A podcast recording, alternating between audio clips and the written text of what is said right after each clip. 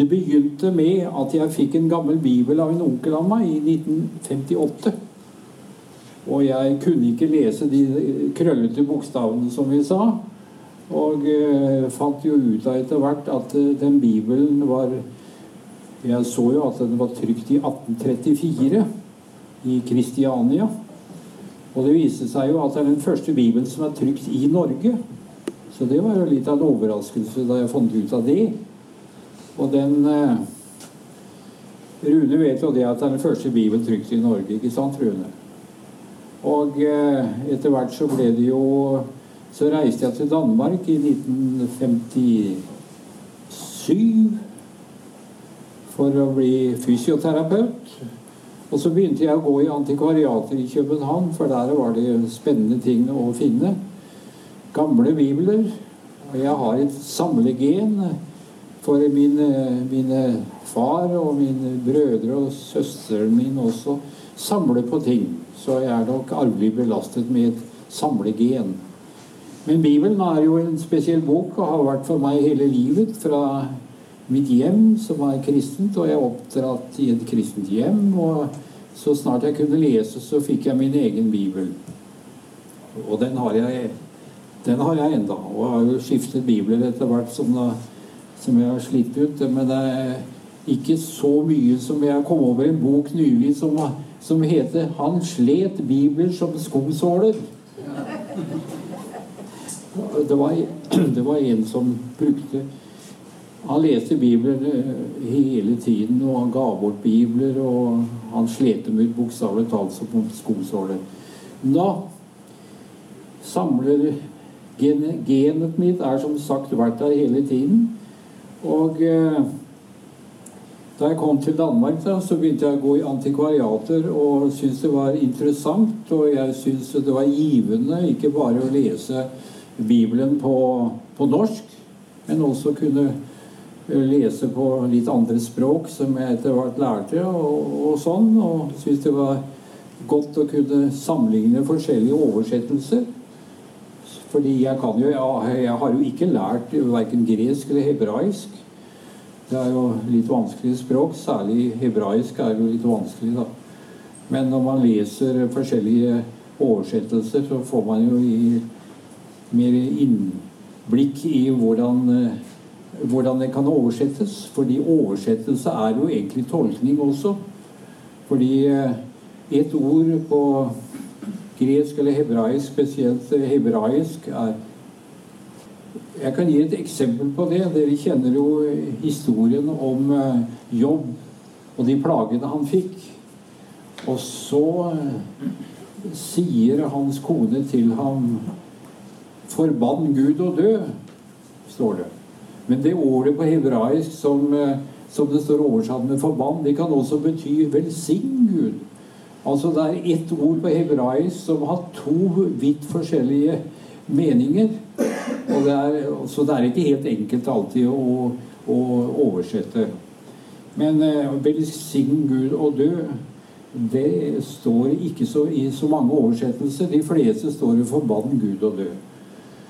Men eh, eh, Hva var det nå han het? En dansk eh, teolog. Han i sin oversettelse han bruker ordet 'velsign Gud og dø'. For man kan ikke forbanne Gud. Nei, det kan man ikke. Gud kan kun velsignes. Nå. Så var det dette med eh, norsk Bibels historie. Det begynner ganske langt tilbake. Det var jo kanskje Språket het jo ikke norsk den gangen. Jeg kan vel kalle det for vestnordisk, eller kanskje norrønt språk. Kan vi kalle det for. Og eh, det er veldig overraskende, og mange er ikke klar over hvor mange bibelske tekster som ble oversatt til norrønt språk i middelalderen, helt fra 1100-tallet og helt opp til 1400-tallet. Og den er utgitt Altså Manuskriptene har man jo Og det var en, eh, en islender som heter Arni Magnusson, som samlet islandske manuskripter på Island. Mange av dem var flotte, dekorerte. Men det var jo håndskrevet alt sammen. da. Og han samlet det sammen og tok det med til Danmark. Og den samlingen har vært veldig berømt og kjent. da. Men nå har man jo etter hvert gitt alle disse manuskriptene tilbake til Island. Så det skjer på den måten. Men eh, i alt dette han samlet, så øh, fant han fram til noen som, han, som ikke står i manuskriptene, og det er eh, stjord.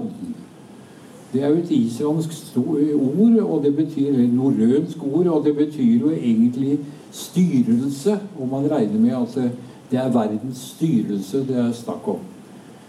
Den, eh, og den består av fire deler. og det var Kanskje det meste av det ble oversatt ved at Håkon 5. Magnusson på 1200-tallet ville gjerne at, eh, at, bibelske tekster ble oversatt til, til norrønt språk. Og det begynte han med. Og, og vi har jo hørt at det fantes ikke bibler eller bibelske tekster på, på lokal eller på, på, språket som de nasjonale språk, men det var kun latin det dreide seg om. Det er ikke helt riktig, så vi skal ikke være altfor harde på katolikkene, da. Så det ble oversatt til en del språk. I England ble det oversatt til angelsaksisk, som er jo forløperen til det engelske og i, i, Sverige også, men uh, i, i, Danmark er det også bibelske tekster fra, fra middelalderen. Men uh, jeg tror nok vi kan si i Norden at vi Kall det Norge eller Island. Der har vi flest tekster som er oversatt til, til, til det norrøne språk. Og som da blir kalt stjorn. Og det er på den måten at tekstene er jo blitt oversatt til språket. Og vi, vi kan jo lese Det ligner jo på islandsk, da.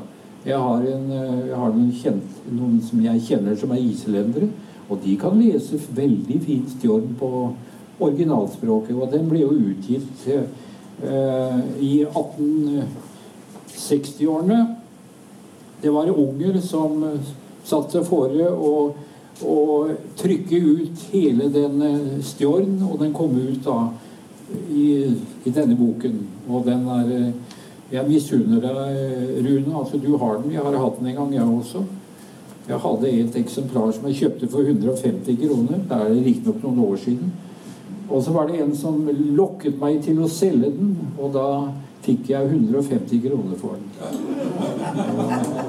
Og, og øh, han Ruds Ruths antikvariat har et eksemplar nå, og det koster bare 7000 kroner.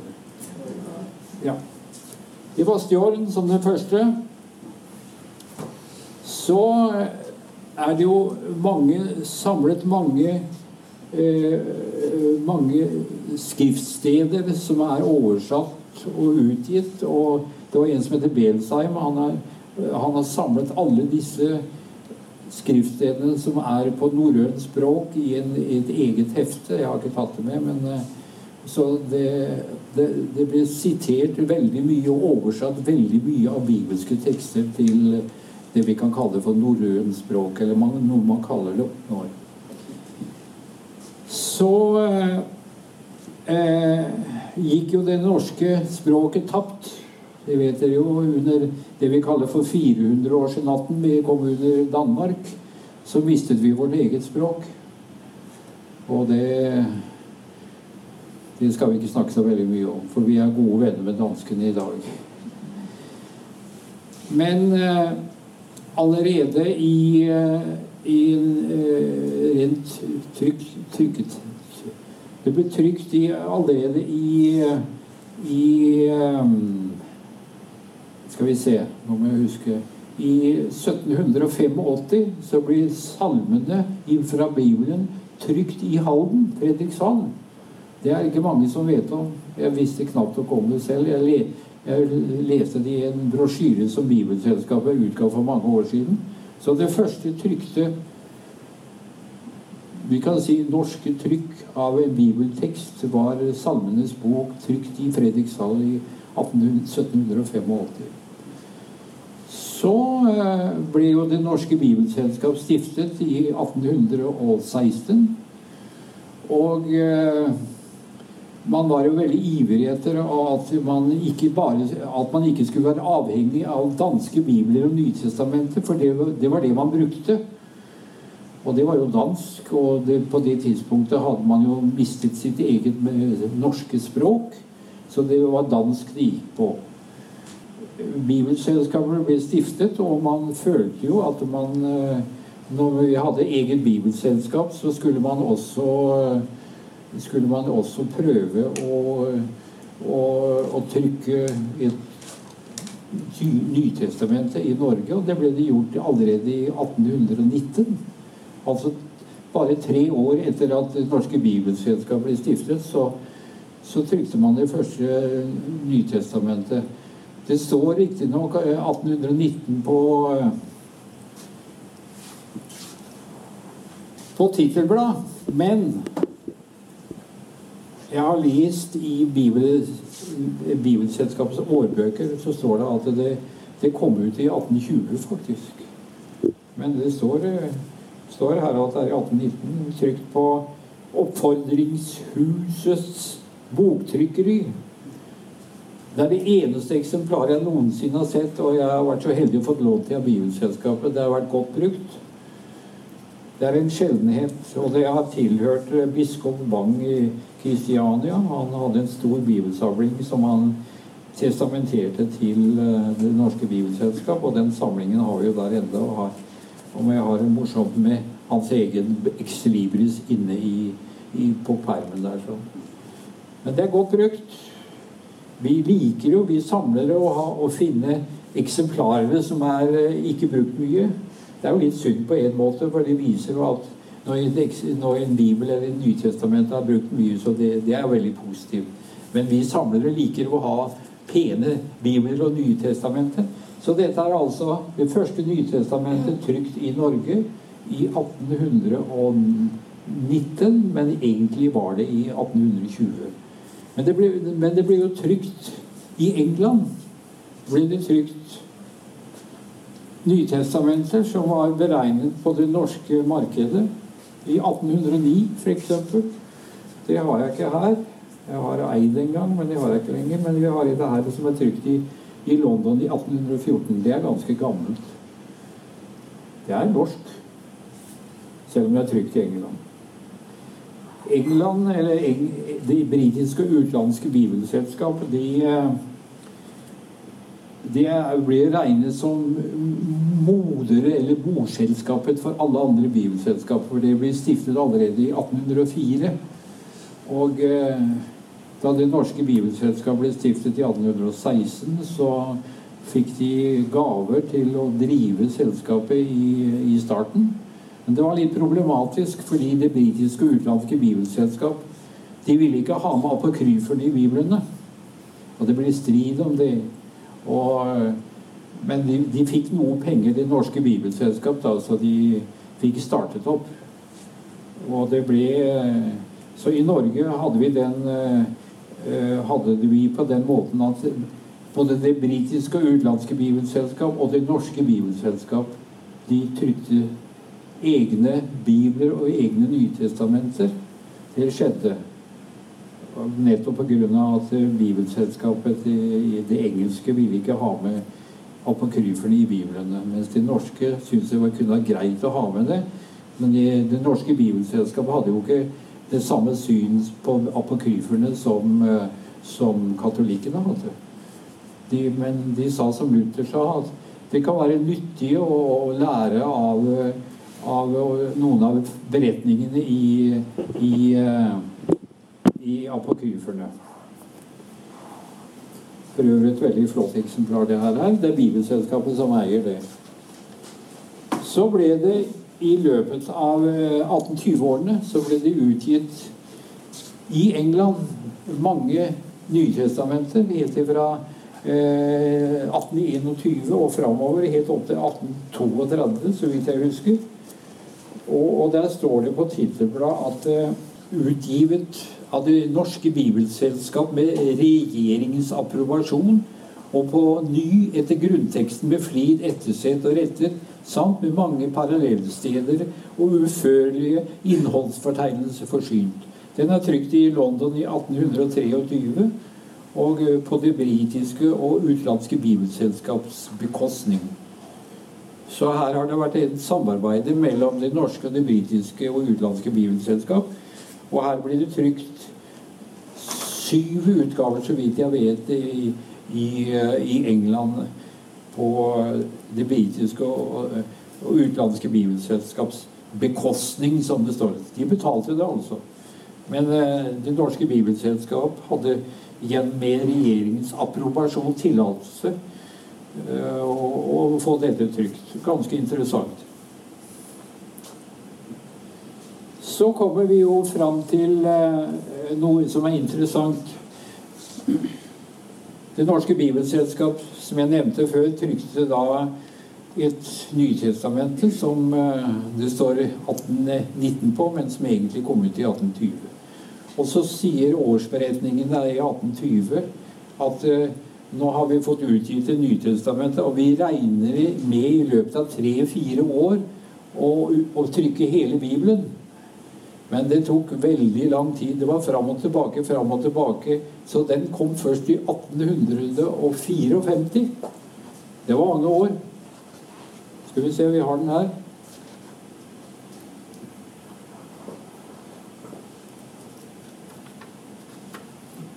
1854. Det var, det, nemlig, det var, nemlig, slik at Bibelselskapet hadde stiftskomiteer i fire-fem forskjellige steder i landet. Og de hadde litt å si med hensyn til hva man skulle trykke av bibler, og også hvor mange eksemplarer man skulle trykke. Og eh, og noen mente man skulle vente på den danske bibelen som skulle komme og utgis i 1814.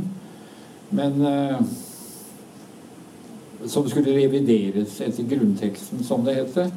Men det gikk og det gikk, og de ble aldri enige, de stiftskomiteene, hvor mange eksemplarer man skulle trykke, og, og hva den skulle koste. og så eh, sentralkomiteen bestemte ikke så veldig mye. Det var komiteene rundt om i landet som hadde litt for mye å si, syns jeg.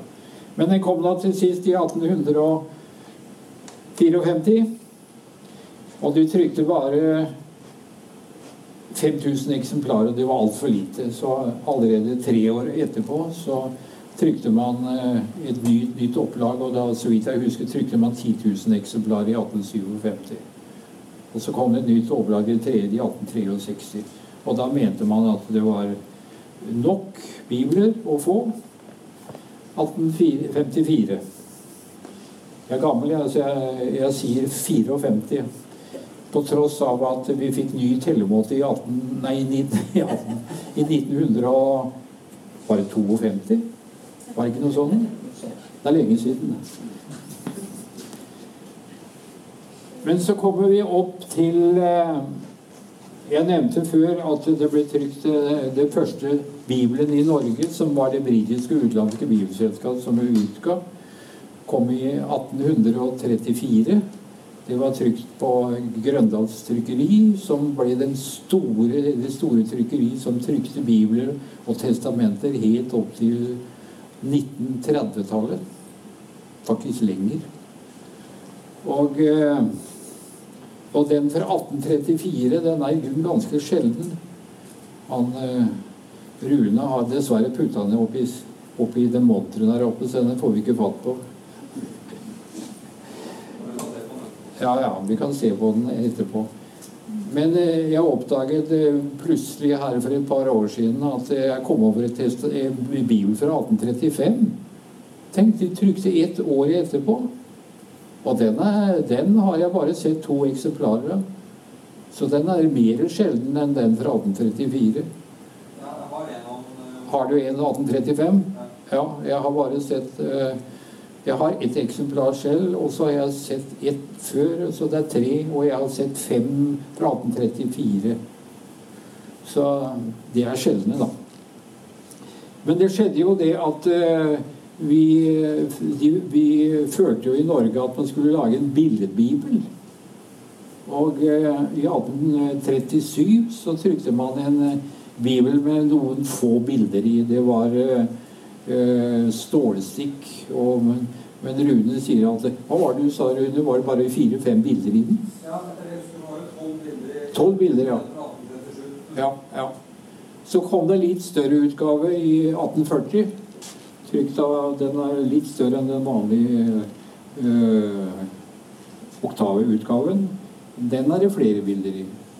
Og den er litt Nei, jeg vet ikke om man skal si den er mer sjelden, men de er ikke så ofte man ser dem. Litt større. Og den er litt flere bilder. Og så ble det trykt en masse privat små eh, nytestamenter opp igjennom fra helt ifra fra 1830-tallet oppover helt opp til 1870. Forskjellige som da fikk trykt det.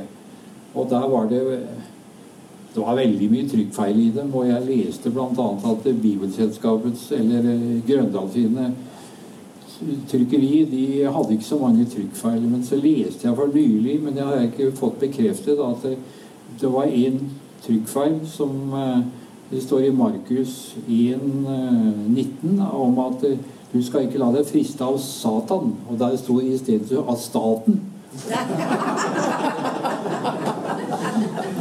Jeg var oppe på Bibelselskapet i dag og prøvde å finne fram. Det sto at det skulle være det syvende opplaget, men det var ikke det syvende opplaget. Men jeg må finne, for det er litt morsomt, da. Ja eh, Det er jo Skal vi se Jeg glemte jo helt en bibel her som er trykt i England i, i 1829. Den er nok mer sjelden enn den første norske som er trykt i Norge. Tror du ikke det, Rune? Jeg tror det. Den er trykt i England, men den er også innbundet i England. Men det morsomme er at det bindet som er på den, finner man igjen på mange bibelutgaver. Til og med på bibelutgaver som er trykt i Norge, er bundet inn i England med det samme mønsteret. Det er litt interessant. Og det spesielle også ved den er at eh, den er trykt i London, i England. Og det er det britiske og utenlandske bibelselskap som har, eh, som har eh, utgitt den, eller på deres bekostning, som det står. 1829. Men der står det Bibel, ja, på. Alle de andre etterpå eh, står det Bibelen.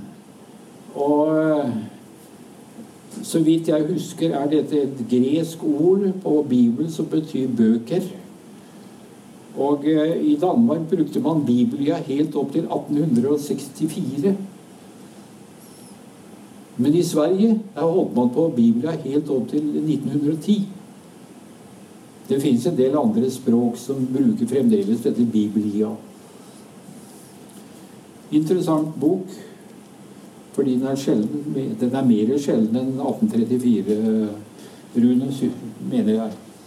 Så begynte man jo å eh, innså at vi burde få vår egen oversettelse i Norge, og ikke bare kjøpe bibler fra Danmark.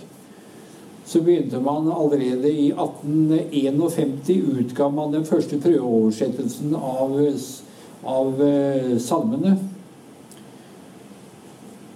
Og så ble det bråk. For det var noen erkekonservative som eh, mente at gamle bibeloversettelser var de beste og mest trygge å lese. Og så var det en som heter Oluf Nilsen i Halden, som eh, Han eh, syntes at det, her- det her må vi gjøre noe med, så han utga og, og, og trykte en bibelutgave fra 18, 1700 og Det står 44 der, men jeg tror det skal være 1740 som han trykte, fikk trykt i Halden i 1853. Det er Oluf Nilsen sin eh, bibelutgave. Den liker her. Det er noen som kjeder til den. Og, eh, og han argumenterte voldsomt imot nye bibeloversettelser. Og han, eh, han var veldig aktiv og fikk med seg mange, mange folk i hele Norge som protesterte. Og, og Bibelselskapet fortsatte med å utgi flere prøveoversettelser helt, helt opp til siste kom vel i, på sisten av 1880-tallet, tror jeg. Så det blir da endelig til sist en hel bibelutale. Og eh, de kom ut fortløpende, kan man si, helt til fra 1860 Nei, tull. 1851, som jeg nevnte. Og så ble de samlet sammen også til en hel bibel. Og de hadde egne tittelblad. Her står det f.eks. De gamle testamentets kanoniske bøker. Oversatte etter foranstaltning av Det norske bibelselskap. Og utgitt som prøve på en norsk kirkelig oversettelse. Og her er det, er det forskjellige, da. Og, og de har egne tittelblad, de forskjellige deler av etter hvert som de kom ut. Og eh, helt opp til Og en annen opplag også. Og eh, jeg tror det ble utgitt eh, To ganger ble den utgitt, eh, og noen av det var annen utgave til og med av eh, Jeg har de små profetene her, de tolv små. Det er annet opplag i 1868. Og den eh, kom da det er utelukkende i Det gamle testamentet. Ja. Ja, ja, den her jeg har eget tittelblad i 1869. Ja,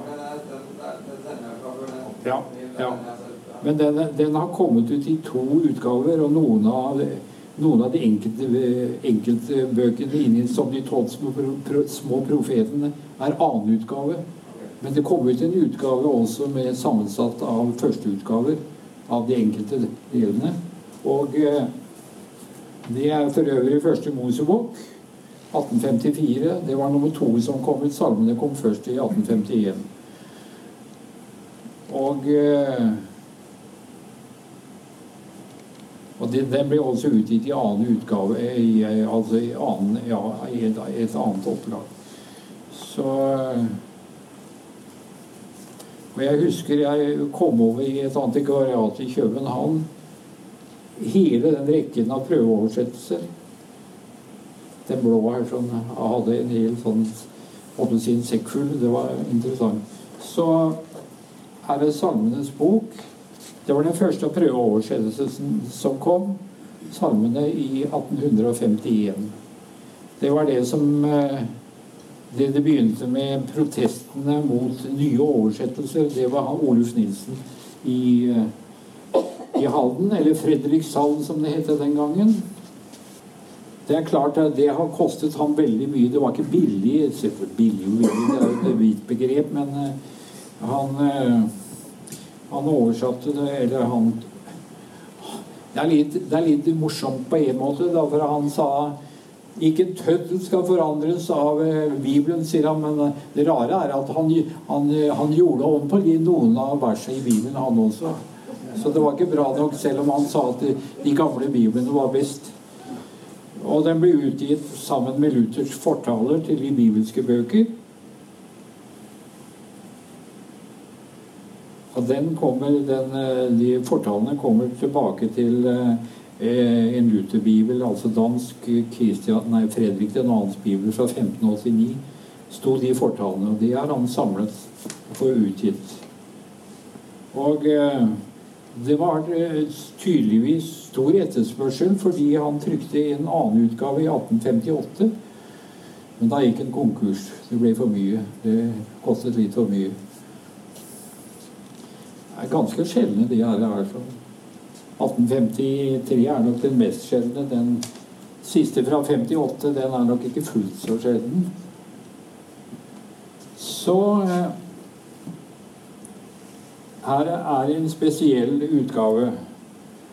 Det er Det nye testamentet som er trykt i Stavanger i 15, nei, i 1859. Det er en Torkel Ham- Hammersmark som, eh, som utga den.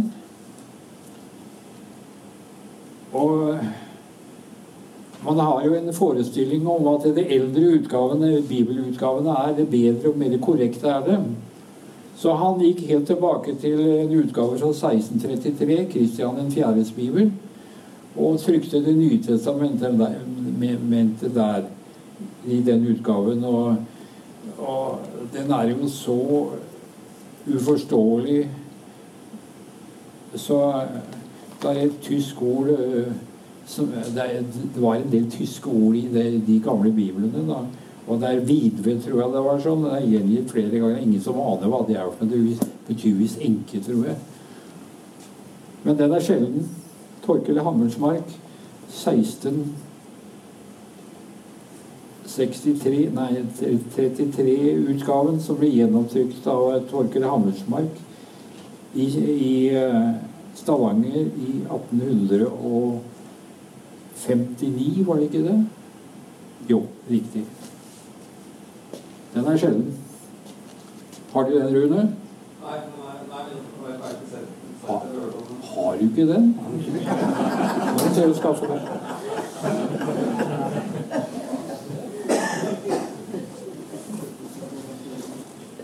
Så det er noe som Rune ikke har òg, skjønner du. Ja. Skal vi se her Det var jo noen som ble trykt i Stavanger, og de er ganske sjeldne, og ikke i Kristiania. Vi har jo en, eh, også en Nytestamentet etter en utgave fra 1744 som er trykt i Stavanger i 1836. Den er sjelden. Og det var eh, to-tre stykker vel av de nytestamentene som ble trykt i, i eh, Stavanger.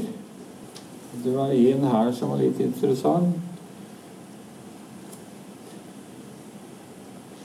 Også etter en utgave fra 1744 befordret til trykken, trykken befordret av R. Ulnis. Han eh, har utgitt To ganger har han trykt eh, Nytestamentet. Den ene, så vidt jeg husker, i Stavanger, og den andre i Kristiania. Apokryferne ble eh, trykt separat allerede i 1837 hos eh, Grøndal. Den er sjelden. På Christian Grøndals forlag trykt i hans offisin. Gjennomsett og rettet etter grunnteksten, står det, med, står det til og med. Det gamle testamentets apokryfiske bøker. Den er. Så skal vi se Det lille Nytestamentet her, det er trykt i London i 1849. Og det er det minste testamentet som er trykt på norsk. Og det pussige var at eh, Og det er trykt med latinske, altså vanlige bokstaver som vi alle skjønner. Det var helt ualminnelig den gangen, for alt ble jo trykt med gotiske bokstaver. Men det står til og med på tittelblad med latinske bokstaver. Der står det 'Det nye testamentet på norsk', står det. Trygt på det britiske og utenlandske bibelselskaps bekostning. For å si det som han sier på dansk Et lite søtt nytt testament. Noen som er, noen som er sikkert ingen av dere, eller få av dere vet om, er at eh, Peter Dass var jo en stor dikter eller prest, ikke sant? Og han, eh, han er kanskje mest kjent for Nordlands trompet. Men det svært få vet om, er at han, eh, han skrev bibelske, eller som det står, trende bibelske bø bøker, nemlig Ruth, Ester og Judiths bok. Det skrev han eh, i poesiform. Eh, han, eh, han levde jo på 1600- og 1700-tallet. Han døde vel i 1707 eller 8, så vidt jeg husker. Og bare noen få år etter at han døde, så ble de trykt disse bibelske bøker. Men det ble gjenopptrykt i 1872. Og det er den utgaven jeg har her. Og det er, det er Esters bok og Ruths bok og Judiths bok fra de, fra de apokryfiske bøkene. Og han var jo en, en god dikter, da. Han kunne skrive, han. Så det er ganske interessant. Kanskje man skulle få noen til å sette melodi til, så kunne noen av dere synge. Bare et Ja. Er det en oversettelse av Esters bok, eller er det en, eh, eller er det en eller, eller dikterens omskrivning av Det er en, oppskri det er en omskrivning, ja. Det er en omskrivning av Ester ut fra Ja, ja. ja da. Men det er lett å gjenkjenne teksten, altså, som han har skrevet den. Han var jo en fabelaktig dikter, da. En stor dikter. Vi vender tilbake til dette med oversettelse på nytt fra grunnteksten eh, Det gamle testamentet. Ja, det skal kanskje nevnes at Det nye testamentet kom ut i Det første var i 1819.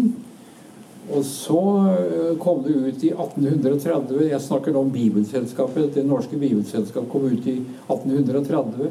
Og da var det revidert av Herslem, het han, en meget dyktig av prestene som også satt i Bibelselskapets styre. Så det kom annen utgave, kom ut i 1830. Og et, etter hvert opp gjennom årene så ble det jo revidert, men den store revisjonen av Det nye testamentet skjedde jo i 1873. Da ble det en stor revisjon. Og eh, så arbeidet man da i mange år på, på Det gamle testamentet. Og det ble sluttført, arbeidet med den kom ut i 1891. 1891. Og da var det jo mange som arbeidet på lenge. Karl Kaspari han var jo en kristen jøde som Han kunne jo si hebraisk. Og eh, han var med på det og nådde så vidt å få det ferdig, så døde han. Og det var andre også som var med. Gisle Johnsen. Og så hadde vi en som heter Tistedal.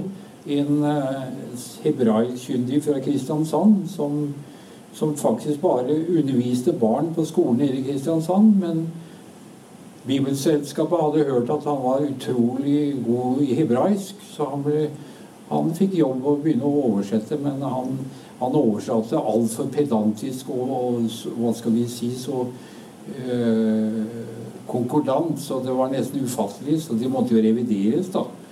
Og øh, det er jo noen tekster i Det gamle testamentet som, som ikke oversettes sånn som det direkte står. Blant annet det står om de som pisser på veggen, står det.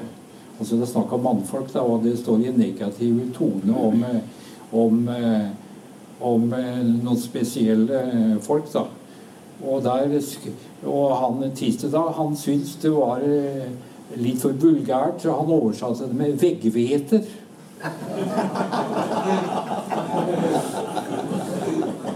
Unnskyld, jeg, jeg, har litt vondt i ryggen, nemlig fordi jeg, jeg pleier vanligvis ikke å ha det, men jeg fikk det i går. og så Til morgenen i dag var det noenlunde, men nå kjenner jeg det litt. Så hvis jeg gjør sånn, så hogger det litt til. Jo, det var veggveter. Det var Tistedal. Og han eh, Men alt han oversatte Kaspari, som var kanskje Karl Kaspari, som var hovedoversetteren av Det gamle testamentet fordi han var jo jøde av fødsel, som hadde blitt kristen, han sa om Tistedal jeg kan litt hebraisk, men Tistedal han kan mer enn meg, sa han. Han oversatte som et leksikon, nærmest, en ordbok.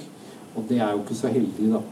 Men eh, så eh, han arbeidet i flere år for Bibelselskap og dro fram og tilbake fra Kristiansand. Og, eh, og så oversatte han også Det nye testamentet. Men, eh, og leverte det inn, og, men det kunne de ikke bruke.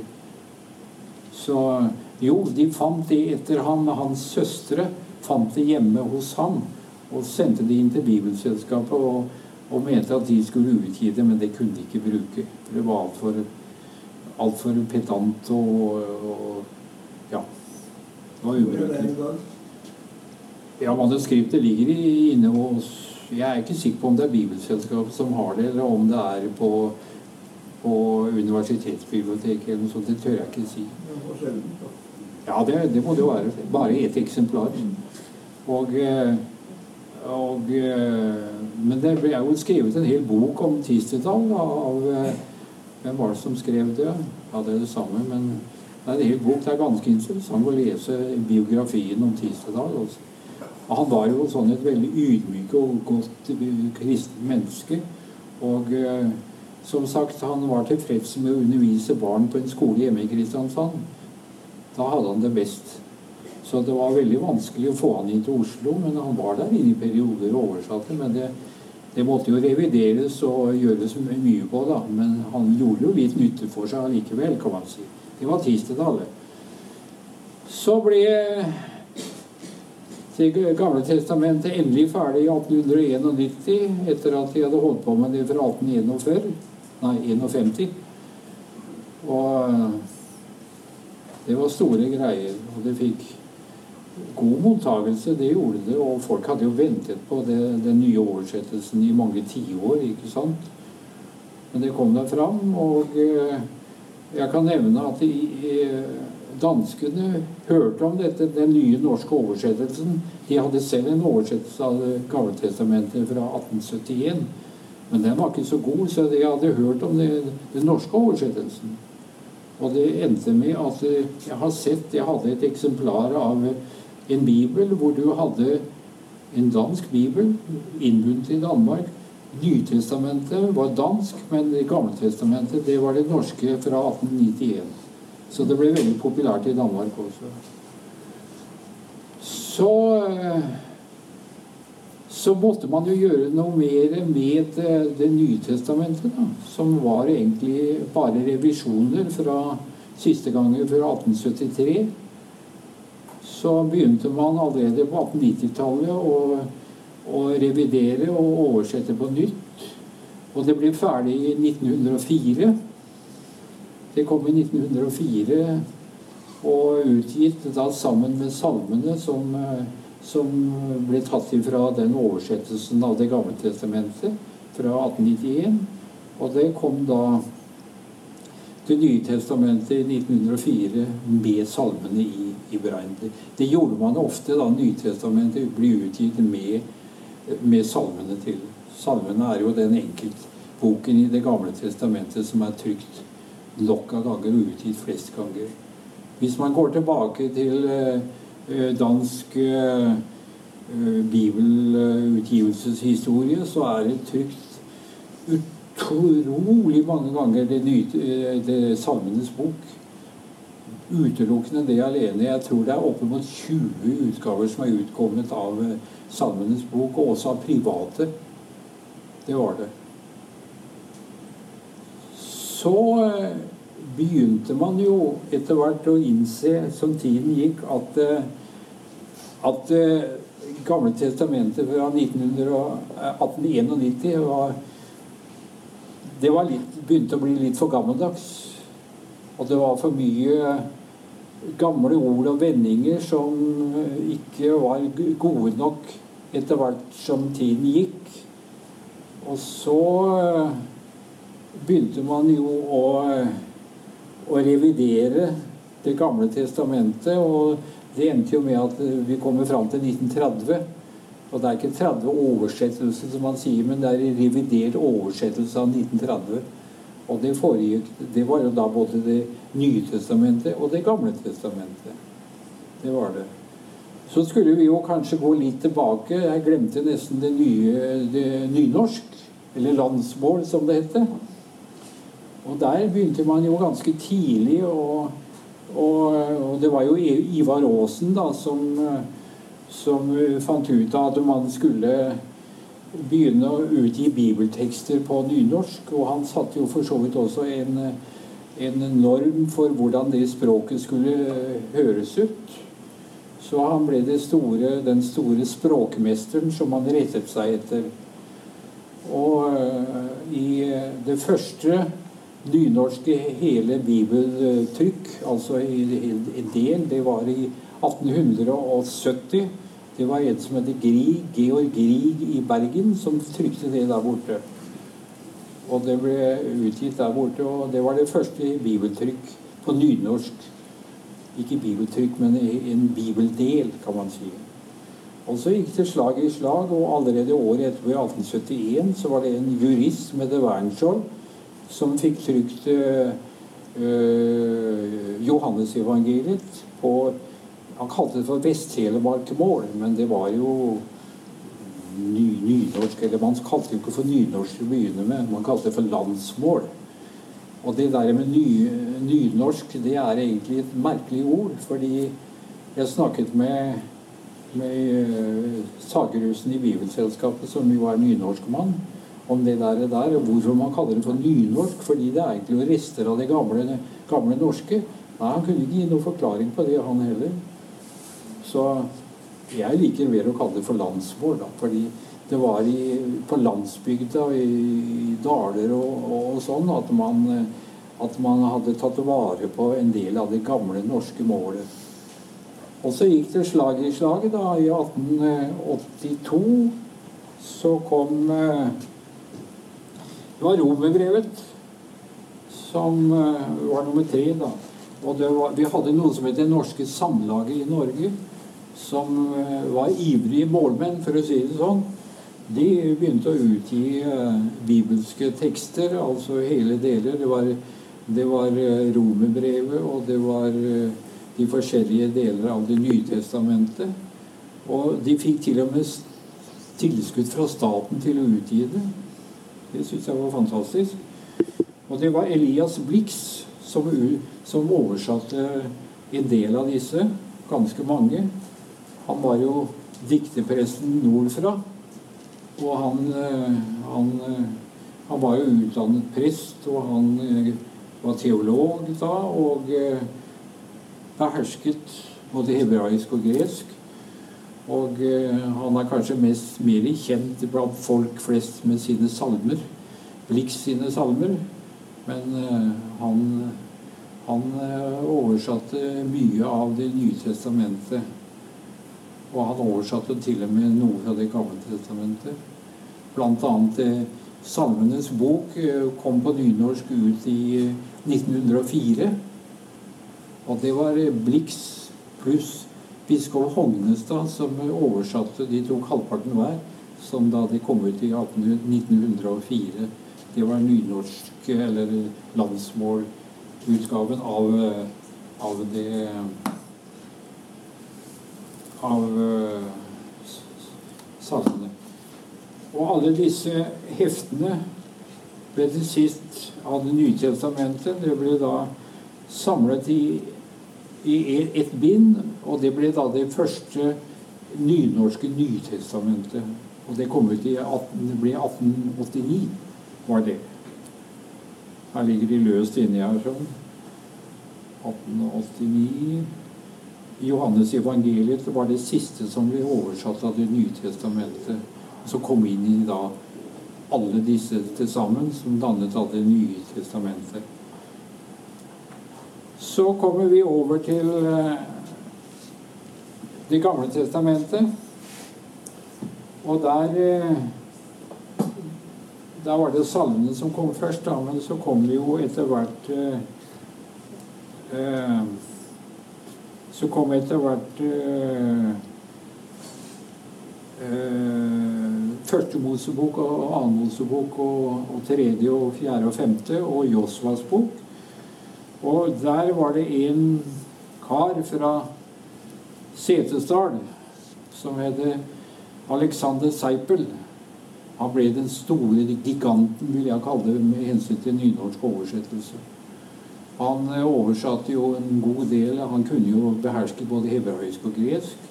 Han var teolog, og han ble også professor i, i, eh, i hebraisk ved Universitetet i Oslo. Og her har vi han kalte, han kalte første Mosebok for opphavsboki. Det var igjennelser på, på, på, på navnet. Og denne her har en dedikasjon til dr. Theol A.C. Bang, biskop i Oslo, fra Umsetjaren, med takk for hjelp i. Og Så han, han, han, Det første av Seipel kom som sagt i 1905. Og så fortsatte han helt opp til 1934 var det vel. Da, da kom det siste fra hans hånd, og det var vel Korinterbrevet, tror jeg. Så han oversatte en god del av særlig det, eh, det gamle testamentet. En mann med stort, svart, stort, svært skjegg. Men han var en, en gigant når det gjelder oversettelse på, av, av, Bibelen, og spesielt Det gamle testamentet. Så eh, kom det fram noe som eh, sikkert mange av dere ikke er klar over, og det er at eh, det ble utgitt et testamente på latin Nei, tull. Det er gresk og norsk. Novum Testamentum Greke et Norvegia. Det kom ut i 1905.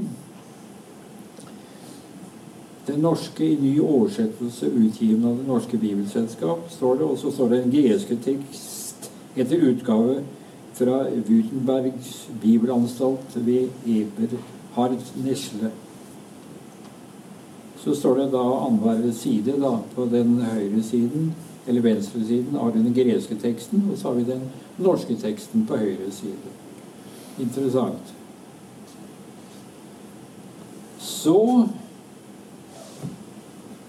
hadde man jo behov for en bibelordbok. Og det fikk man allerede eller allerede, det kom I 1891 kom det ut en bibelordbok. Og der sto det på tittelbladet Der står det 'Bibelordbok inneholder henimot 40 000 alfabetisk ordnede utdrag av bibelsteder' med vedføyde henvisninger etter de i Danmark og Norges gangbare bibler, de kanoniske bøker, utgitt av TG. Og det var først etter at han døde i, i 1900 og Ja det var i hvert fall først etter at han var død at man opplyste hvem han het. Han heter Christian Grimstvedt. Og hans bibelordbok den ble, kom i hele 23 opplag helt opp til 1978. Det var det siste gangen den kom ut. På dansk har man jo hatt en bibelordbok helt fra 1730-tallet over Det nye testamentet. Men eh, i 1749 da kom det i et trebitsverk en bibelordbok som til og med tok med seg de apokryfiske bøkene. Han heter Envold Evald, og han uh, utga den. og Det er jo utrolig hva, hva de fikk til. De satt jo og håndskrev alt det her. I dag har man jo datamaskin og computer og kan ordne det hele. ikke sant? Og den gangen satt man og skrev det. Tusenvis av sider. Ja, det er fantastisk at det kunne la seg gjøre. Så har, vi, har jeg et lite testament her som er litt spesielt.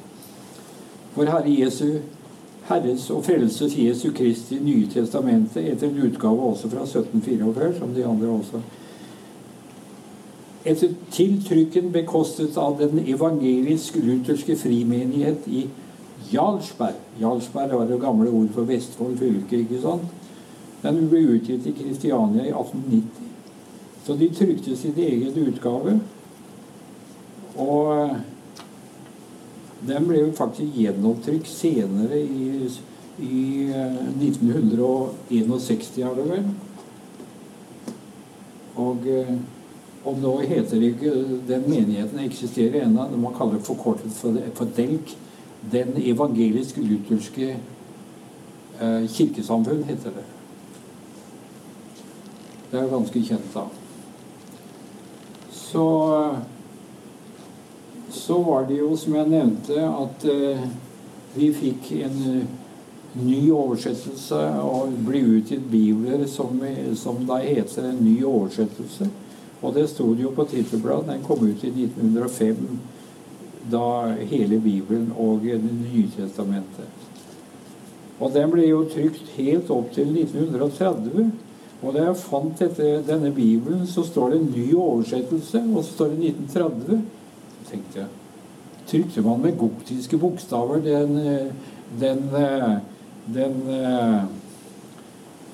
bibel, den nye bibeloversettelse, altså den nye reviderte som kom i 1930, tenkte jeg de, Bruker de gotiske bokstaver på den?